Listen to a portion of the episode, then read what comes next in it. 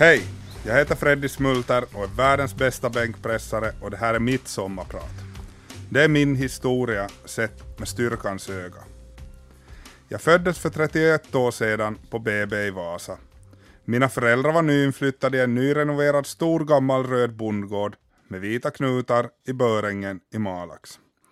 Min farmor kallade Börängen för bästa plätti på jorden på Malaxdialekt, något som jag senare har moderniserat till att Börängen är världens centrum. Då min pappa kom hem från BB och berättade åt min farmor att det blev en storväxt pojke istället för en liten söt flicka så blev min farmor så förkrossad att hon grät, för hon hade önskat sig en söt liten flicka, men det blev jag. Min barndom minns jag som en mycket trygg tid. Jag tillbringade periodvis mycket tid hos min mormor i Solv och med min farmor och farfar som bodde huset bredvid oss. Och så var det den där farfar. Frågar du den äldre generationen i Malax vem Fredrik Smultar ärvt sin styrka av, så säger de flesta min farfar Oskar Algot Smulter. Då jag var barn så tyckte jag att farfar hade ganska skräckinjagande utseende. Han hade en gigantisk överkropp utan att vara direkt fet, lagt ovanpå hans små spinkiga ben. Sedan en huvud som utan nacke lagts ovanpå den väldiga överkroppen och så det värsta av allt, han hade ett porslinsöga som han hade fått då han som nästan yngsta bror inte hann undan när storebröderna lekte tio stickor på ett brä. En av dessa stickor träffade farfar i ögat så han blev blind för livet. Farfars kroppsvikt låg kring 100 kilo och de som känner till hur pass småväxta de flesta män i krigsveterangenerationen var, eller är, så förstår ni att farfar var verkligen en stor och grov människa för sitt tidevarv. Detta utseende gjorde att man satt stilla då farfar blev arg. När han slog handen i bordet och sade högt Du arme son, vad skall detta av dig bliva? Så visste man att nu var det bäst att sitta rak i ryggen och lugna ner sig. Min farfar var inte direkt intresserad av idrott, men något som intresserade honom var styrka. Det märkte man tidigt som barn. när han låg där i soffan så, så drog vi alltid fingerkrok. Och jag vann aldrig. Och jag funderade, va, hur, hur kunde det vara möjligt att även som tonåring alltid förlorade i denna styrkegrej mot min farfar. Men det var nog så att 60-70 år av hårt jordbruksarbete hade gjort min farfars fingrar till stål. Farfar bar alltid mindre stockar på sina axlar när han jobbade i skogen. Det var som en del av vardagen för honom. När vi skulle sätta på den gamla otympliga vedkärran på traktorn var det aldrig frågan om att backa traktorn ända fram, utan alltid lyfte vi den sista biten med handkraft. När det vankades nybygge av något hemmavid så var det min pappa och min bror som skötte byggandet och klättrandet, medan jag och farfar skötte kärrandet av betong, vi bar fram plankor och gjorde övrigt tungt servicearbete. På detta sätt lärde jag mig aldrig att bli riktigt praktiskt. Jag lärde mig aldrig de små tekniska detaljerna, men jag lärde mig att bära och lyfta tunga saker. När jag började tävla i bänkpress så minns jag att farfar mest förundrade sig över hur kan du alltid vinna Fredrik? Hur var det möjligt att inte finns någon starkare än dig? Tja, farfar dog 2006 då han var 81 år efter en fem års stenhård kamp mot cancern. Men han har fortfarande kvar rekordet för 80-åringar i mitt gym. Han lyfte upp 70 kilo till hakan. Min farfar tyckte även om att sjunga. Då han vankade av och an i snön i skogen så sjöng han. Då han satte eld i spisen så sjöng han. Och då han satt där vid köksbordet så sjöng han med klar och högljudd stämma. Som barn och tonåring idrottade jag flitigt med speciellt ishockey och fotboll. I speciellt fotboll så var jag med Malax mått rätt bra, men inte, inte någon större stjärna. Men jag nådde aldrig upp på den nivå som min bror André var i sitt hockeyspelande. Han hörde ju faktiskt till juniorlandslagen i ishockey. Och så kom det den där dagen som de flesta högstadiepojkarna någon gång är med om. Det är då man testar bänkpress första gången. En dag som är för de flesta bara en dag i ett normalt ungdomsliv. Men för mig kom den här dagen att förändra mitt liv. För evigt. Jag och min kompis på den tiden, Mattias Sjöholm, åkte till Pixnehallen på våra cyklar. Vi var 14 år gamla. Vi steg in i gymmet och våra blickar riktades direkt mot bänkpressen som stod där längst bort i hörnet.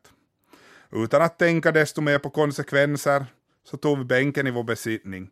Jag började lyfta lite med två stora gula gummivikter på vardera sidan av stången, eller rättare sagt 50 kilo totalt. Tekniken var sett ur mitt nuvarande kunnande riktigt dåligt, men något som både jag, Sjöholm och några av de äldre tränarna märkte direkt var att rörelsen var otroligt naturlig för mig och styrkan var något utöver det vanliga. Innan dagen var slut hade jag lyft 80 kilo i tre repetitioner och en kärlekssaga var född. Följande dag åkte jag och Sjöholm igen till Pixnehallen. Då var det lite mer folk på plats i gymmet. Jag minns att det redan andra dagen i min gymkarriär tyckte det var roligt att folk tyckte det var intressant med min bänkpressstyrka. Och då den dagen lyckades få upp 150 kilo så var det flera av de äldre fullvuxna karlarna som förundrade sig över hur det ens var möjligt att en helt otränad 14-åring lyfte så pass mycket som 105 kilo. Jag kom att träna på skoj för, i över två år. Så kom vi till den där dagen i december 1999. Det var då världsmästerskapen i bänkpress gick i Vasa. Själv hade jag två hemmamatcher i hockey i Malax IF division 4 för seniorer och kunde därför inte åka dit och titta. Men jag läste om tävlingarna i Vasabladet och förundrades över bilderna och jag förundrades över resultaten. Jag läste artiklarna om och om och om igen. Och då, den där dagen, så bestämde jag mig att jag ska börja tävla i bänkpress. Nästa dag var vi ute och sprang före ishockeymatchen med hela laget och värmde upp. Jag berättade åt alla lagkamrater att om några månader ska jag ställa upp i bänkpress-FM för 17-åringar. Jag kan fortfarande känna hånskrattet som flera av lagkamraterna gav mig. Och man retade även mig att efter matchen över hur jag trodde jag skulle kunna göra någonting sånt, som att tävla i bänkpress. Varför skulle man tävla i bänkpress?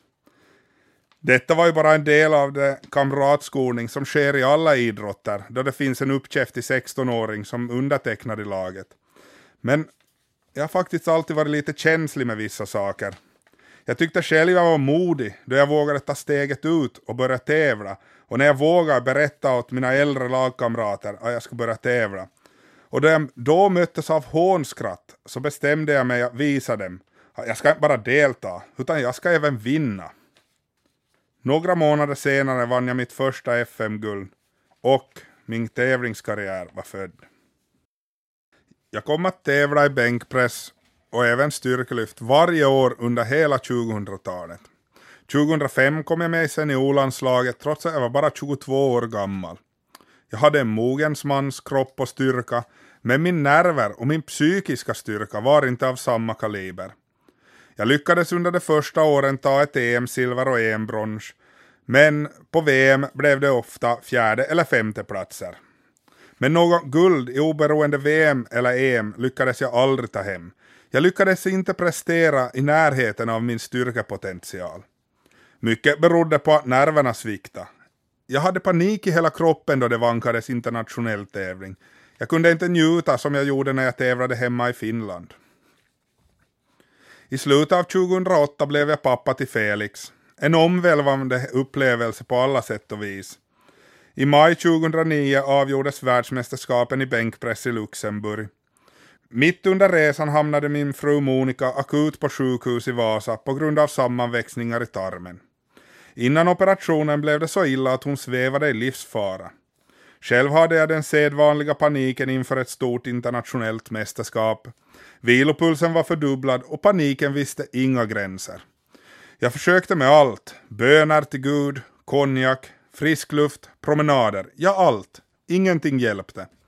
Efter invägningen, det vill säga cirka två timmar före tävlingsstart, ringde jag till Monica och hon var vid medvetande.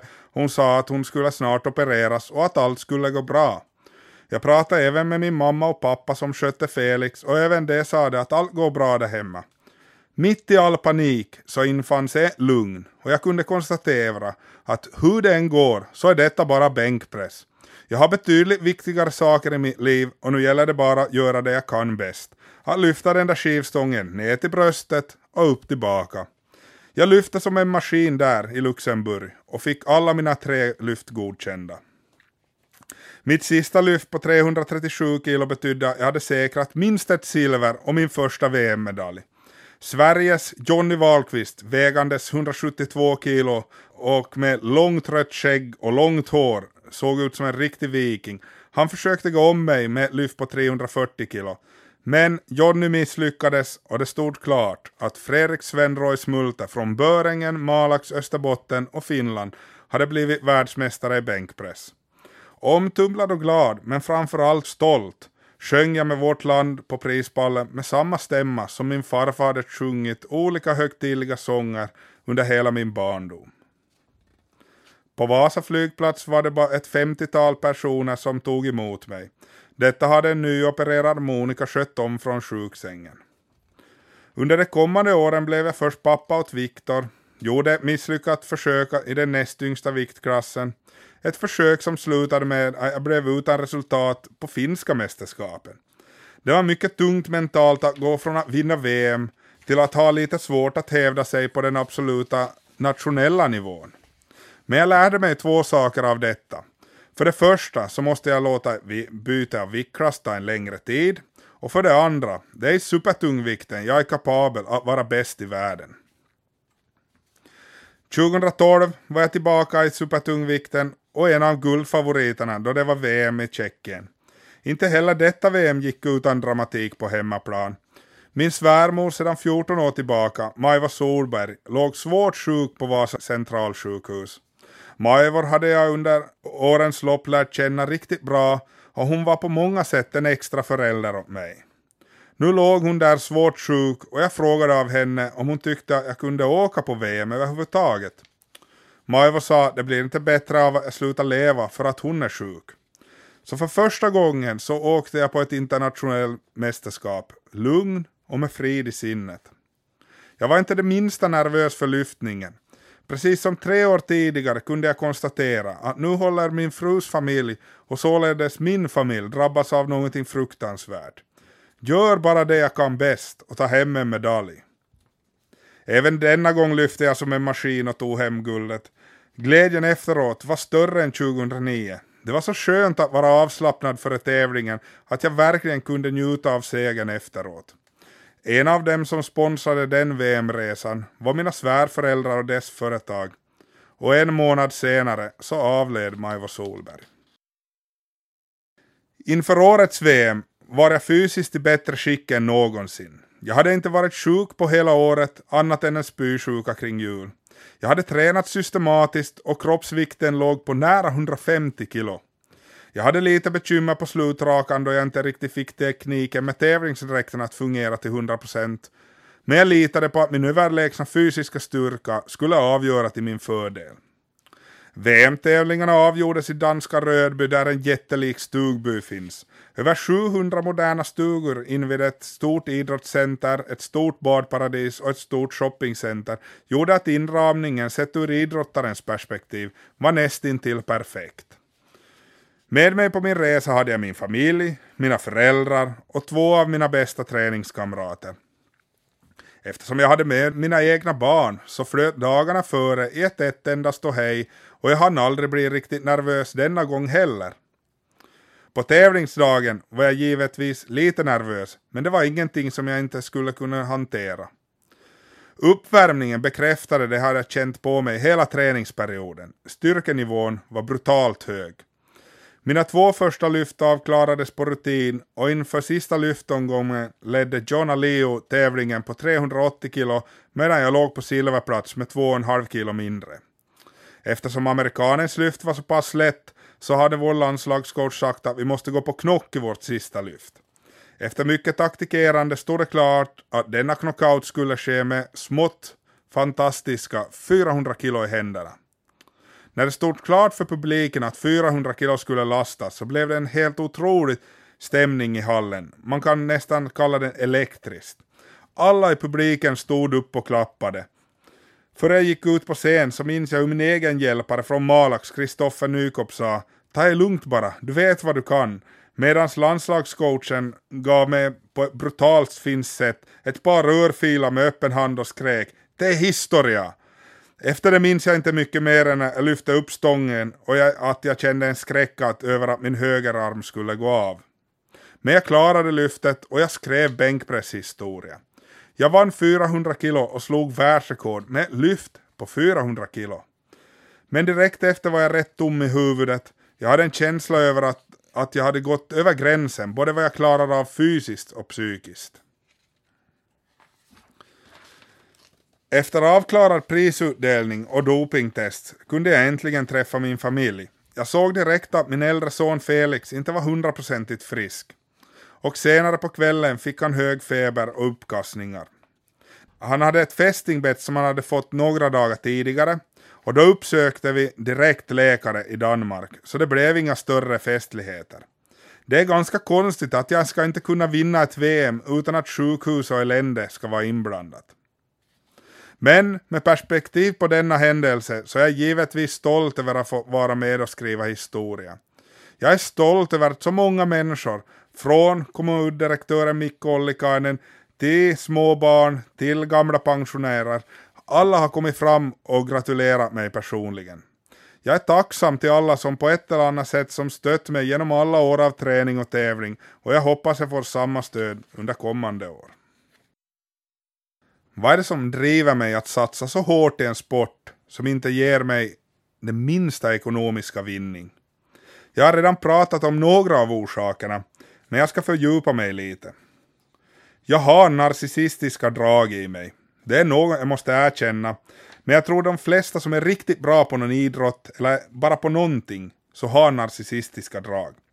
Precis som den där gången när jag lyfte 105 kilo i Pixnehallen för 17 år sedan, så tycker jag det är intressant att människor förundras och imponeras av någonting så enkelt som när jag ligger på rygg och pressar en skivstång ner till bröstet och upp tillbaka. Jag har inget annat behov av att hävda mig än annat än i bänkpress. Jag tycker det är roligt att ladda upp YouTube-filmer när jag lyfter bänkpress. Så jag har en vilja att visa upp mig och det är en liten del av min motivation. En annan sak som motiverar mig är att visa att jag kan.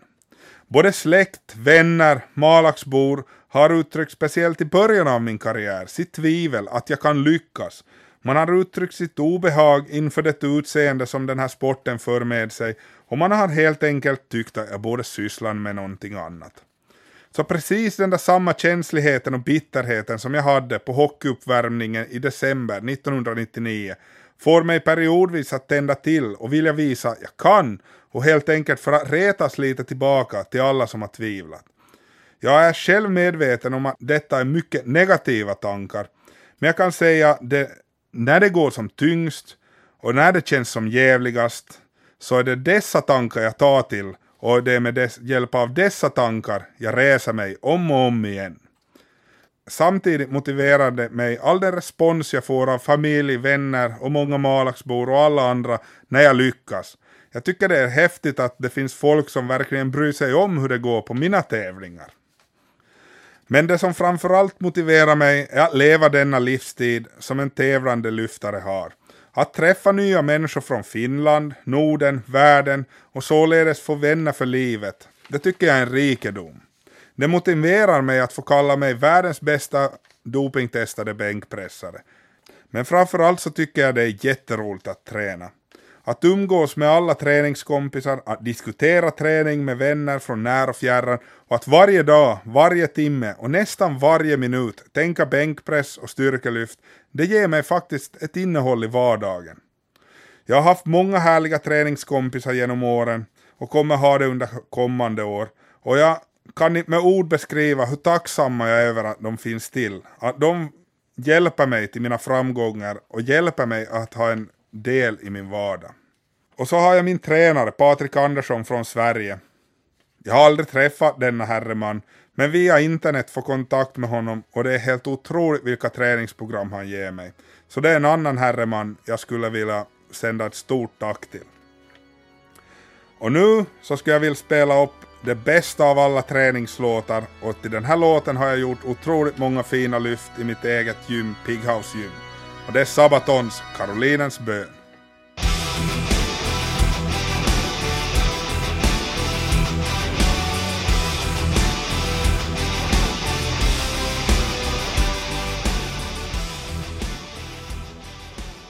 Malaxborna är kända för att vara storätare.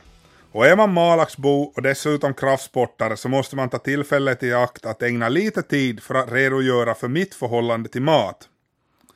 Om inte jag har nämnt det tidigare så väger jag nästan 150 kilo. Jag är inte jättefet utan min kropp består av muskler, vätska och givetvis en del fett. Som ni förstår behöver jag mycket kalorier för att upprätthålla min vikt. Speciellt då min livsstil faktiskt är ganska så aktiv, fast ni kanske inte tror det. Jag styrketränar hårt, jag lever ett familjeliv med två vilda barn och jag cyklar en hel del under sommarhalvåret i alla fall. Man kan säga att jag ligger på allt mellan 3000 och 7000 kalorier per dag. Det betyder att jag äter mer än dubbelt mer än vad en normal man ska göra. Till skillnad från vad många tror är mina portioner inte sådär jättestora. Visst är det så att jag kanske äter mer proteinbaserad mat med kött och kvarg och sånt där, men det skiljer inte så mycket sig från vad just du äter. Men med min kroppsvikt och med mitt kaloriintag så kommer en del påfrestningar för min kropp. Vid sidan av att jag kanske har lite fler hål i tänderna än vad just du har, så är det främst mentalt ett är på mig. Jag tänker ofta, klarar mina blodkärl och mina inre organ av detta? Och hur länge klarar de sig? Det är de frågor jag ställer mig nästan dagligen. Jag älskar det där jag gör och jag skulle få välja själv skulle jag väga 150 kilo tills jag är 80 år. Men samtidigt är jag medveten om att den kroppsvikten inte är förenlig med en lång livstid. Det här är säkert samma frågor som många rökare och alkoholister ställer sig. Och på ett sätt så är jag en missbrukare. Jag är missbrukare av träning och således god mat. Och här kommer Levoton Tuhkimo.